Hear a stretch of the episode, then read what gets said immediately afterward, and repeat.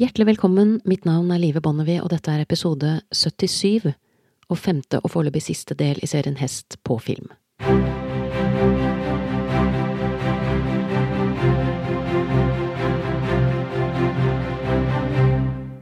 I dag tenkte jeg at jeg skulle ta for meg fire internasjonale adaptasjoner, altså når historier om hest går fra bok til film, og jeg tenkte jeg skulle jobbe meg bakover, fra den nyeste filmatiseringen til den eldste. Tenkte jeg skulle starte med Warhorse fra 2011. Den originale boka ble utgitt i 1982, og kan på mange måter leses som en fanfiction av Black Beauty, det vil si en historie som bygger på eller er veldig sterkt influert av et eksisterende verk for det er veldig mange likhetstrekk mellom de to historiene. Warhorse er satt til første verdenskrig, og fortelles i likhet med Black Beauty i første person, sett fra hestens perspektiv. En fordrukken kar på en auksjon kjøper en hest, og sønnen hans Albert får et tett forhold til hesten. Så blir gutten og hesten Joey skilt når krigen bryter ut, og faren selger Joey som krigshest. Albert forsøker å verve seg, men han er ikke gammel nok, og kan ikke hindre at hesten hans sendes alene ut i krigen så følger vi Joeys reise i krigssonen, og menneskene han treffer på sin vei, før hesten og gutten får en mulighet til å finne hverandre til slutt. Filmen har et krevende narrativ, siden det i realiteten er Joey selv som er forteller i boken, men filmen er uten voiceover, og dermed langt på vei uten hovedperson. Den er litt urein også med tanke på målgruppe. Noen ganger så er tonen som en barnefilm, med teatralsk spill og barnlige enkeltscener. Andre ganger er det nesten som en fullblods krigsfilm, der vi er tett på slagmarkens mørke og lidelser. Det er store slagscener, med stort kavaleri, men ønsket om å lage en film for familier har ført til at krigsscenene ofte er veldig elegant løst. Som når en gruppe soldater rir inn i et kuleregn fra flere mitraljøser, og det neste vi ser, er rytterløse hester som hopper over mitraljøsestillingene og galopperer videre alene.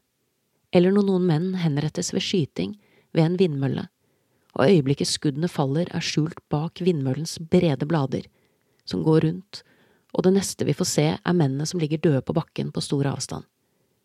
Det er et virkningsfullt, nesten poetisk grep, men den virkelige minneverdige scenen i filmen er den der hesten flykter rytterløst gjennom et bomberegn i ingenmannsland ved frontlinjen, en flukt som ender i en vase av piggtråd, i en sekvens der det heldigvis er brukt en kombinasjon av faktiske hester, mekaniske hester og heldigitale hester, og man får et interessant øyeblikk der mennene i frontlinjen, på hver sin side, oppdager hesten og legger krigen til side et øyeblikk.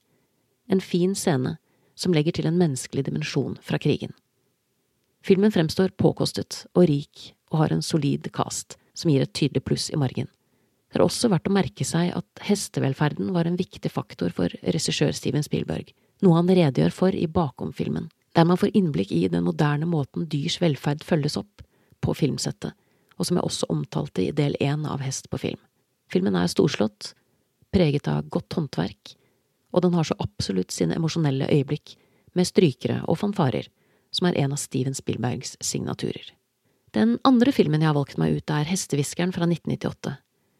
Filmen er basert på Nicholas Evans' bestselger med samme tittel, og treneren han bygget hovedkarakteren i filmen på, var ofte sagt å være Monty Roberts, men rette mann er nok Buck Brannaman, som også bisto under innspillingen. Dette er en stjernespekket film. Robert Redford har både regi og hovedrolle. Så er det Kristin Scott Thomas, Sam Neill og hestejenta selv som spilles av en pur ung Scarlett Johansen. I denne filmen er jenta i alle fall en fullblods hestejente fra start, om ikke særlig lenge, før en alvorlig ulykke gir henne, gjett hva, skrekken, selvsagt og hun må bruke resten av filmen på å finne veien tilbake til salen. Forfatteren av romanen filmen bygger på, er ingen hestekar, så han er vel så opptatt av jentas mor som faller for hestehviskeren, som oppgaven med å få den skakkjørte ekvipasjen på rett kjøl igjen. Men dette er en vakker film, med nydelig foto, lagt til Montana. Det leveres godt filmmessig håndverk, og historien er akkurat passe sentimental, med et soundtrack som er lett å ta med seg videre. Det fokuseres tungt på familieverdier, der det enkle livet på landet og kontrasten til morens kjølige yrkeskarriere i byen dyrkes for det det er verdt. Men det er to ting i denne filmen som virkelig trekker ned for meg. Det ene er at filmen slutter helt annerledes enn boken. Det er lett å forstå hvorfor filmskaperen har valgt dette grepet, men man kunne ønske at de av og til tok sjansen på å stole på at den originale historien holder, selv om den krever litt mer av publikum. Men det som trekker mest ned i denne filmen, er at hestehviskerens løsning på problemet er alt annet enn å hviske. Her må hesten på mange måter bære byrden når jenta skal, i gåsehudene, repareres. Og både metoden og tankesettet som ligger bak denne løsningen, kunne med hell vært forkastet for flere tiår siden. Det sagt så leverer Scarlett Johansen en av sine tidlige, men virkelig gode roller i denne filmen. Og hun har en naturlighet rundt hesten i flere av scenene, som gir filmen en ekstra dimensjon og kvalitet. Også fullblods hestejenter kan få skrekken, eller skade seg stygt, så det er lett å relatere seg til henne. Dette er en film som absolutt er verdt å se. Den tredje filmen jeg har valgt, er Den svarte hingsten fra 1979, som er basert på en bok som første gang ble utgitt i 1941. Det starter med et dramatisk skipsforlis, som fører til at de to eneste overlevende driver inn på samme strand på en øde øy. Det er en liten gutt som har mistet faren sin i forliset, og en utømt araberhingst som har mistet eieren sin. De blir uatskillelige venner på øya, og når de omsider reddes, blir hesten med gutten hjem. Men guttens liv er ikke rigget for en hest, og en ørkenhest som dette er ikke rigget for et sivilisert liv heller. Redningen blir en avdanket veddeløpstrener som tar gutten og hesten til seg, og når det viser seg at hesten har et talent for å løpe fort, ender de som underdogs i et stort, prestisjetungt hesteveddeløp. Det som er både vondt og veldig fint med denne filmen, er at det ikke er noe juks. I 1977, da filmen ble spilt inn, var film i all hovedsak noe som ble fanget på 35 mm film på selve settet.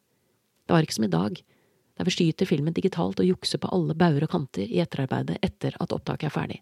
Så den talentfulle elleve år gamle barneskuespilleren Kelly Reno rir hesten selv, også i nærbildene, ofte med noe som ligner livet som innsats, og som oftest uten hjelm. Og når hesten kjemper for livet i vann eller har satt seg fast i tauverk, så er det langt på vei en reell kamp vi er vitne til men av alle hestefilmer som er laget, er nok dette den filmen som er mitt hjerte nærmest. Fordi de har løst scenen der gutten og hesten nærmer seg hverandre på en måte som gjør at du virkelig tror på det. Og fordi hesten får lov å være hest, for de av som syns de har verdi på film.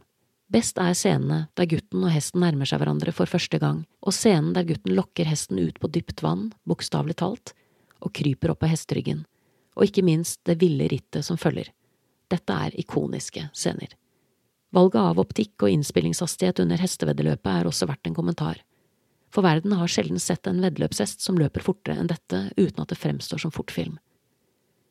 Filmen som helhet er litt langsomt fortalt for et moderne publikum, men dette er en film som enhver som driver med hest, bør ha sett. Traileren yter ikke filmen rettferdighet overhodet, men jeg har lagt ved et filmklipp på hjemmesiden min som gjør det.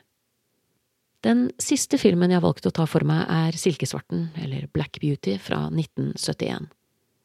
Boka ble skrevet av Anna Sewell i 1877. Smak litt på det tallet. Dette er en roman som har blitt trykket opp i stadig nye opplag, og den har ikke vært ute av print på 144 år. Det er en bok som er blitt lest og elsket gjennom generasjoner, og antydet salgstall er flere titalls millioner. Grepet som ble tatt i denne romanen, som trolig aldri hadde blitt tatt før i engelsk litteratur, var å gi hesten en stemme. Anna lot rett og slett Black Beauty selv stå for fortellingen, og med en hest som forteller, så fikk man skildret livet til en hest sett fra en helt ny synsvinkel. Annas mål med boken var å fremme sympati og forståelse for hester, og bidra til at de ble behandlet bedre og med mindre brutalitet og tvang.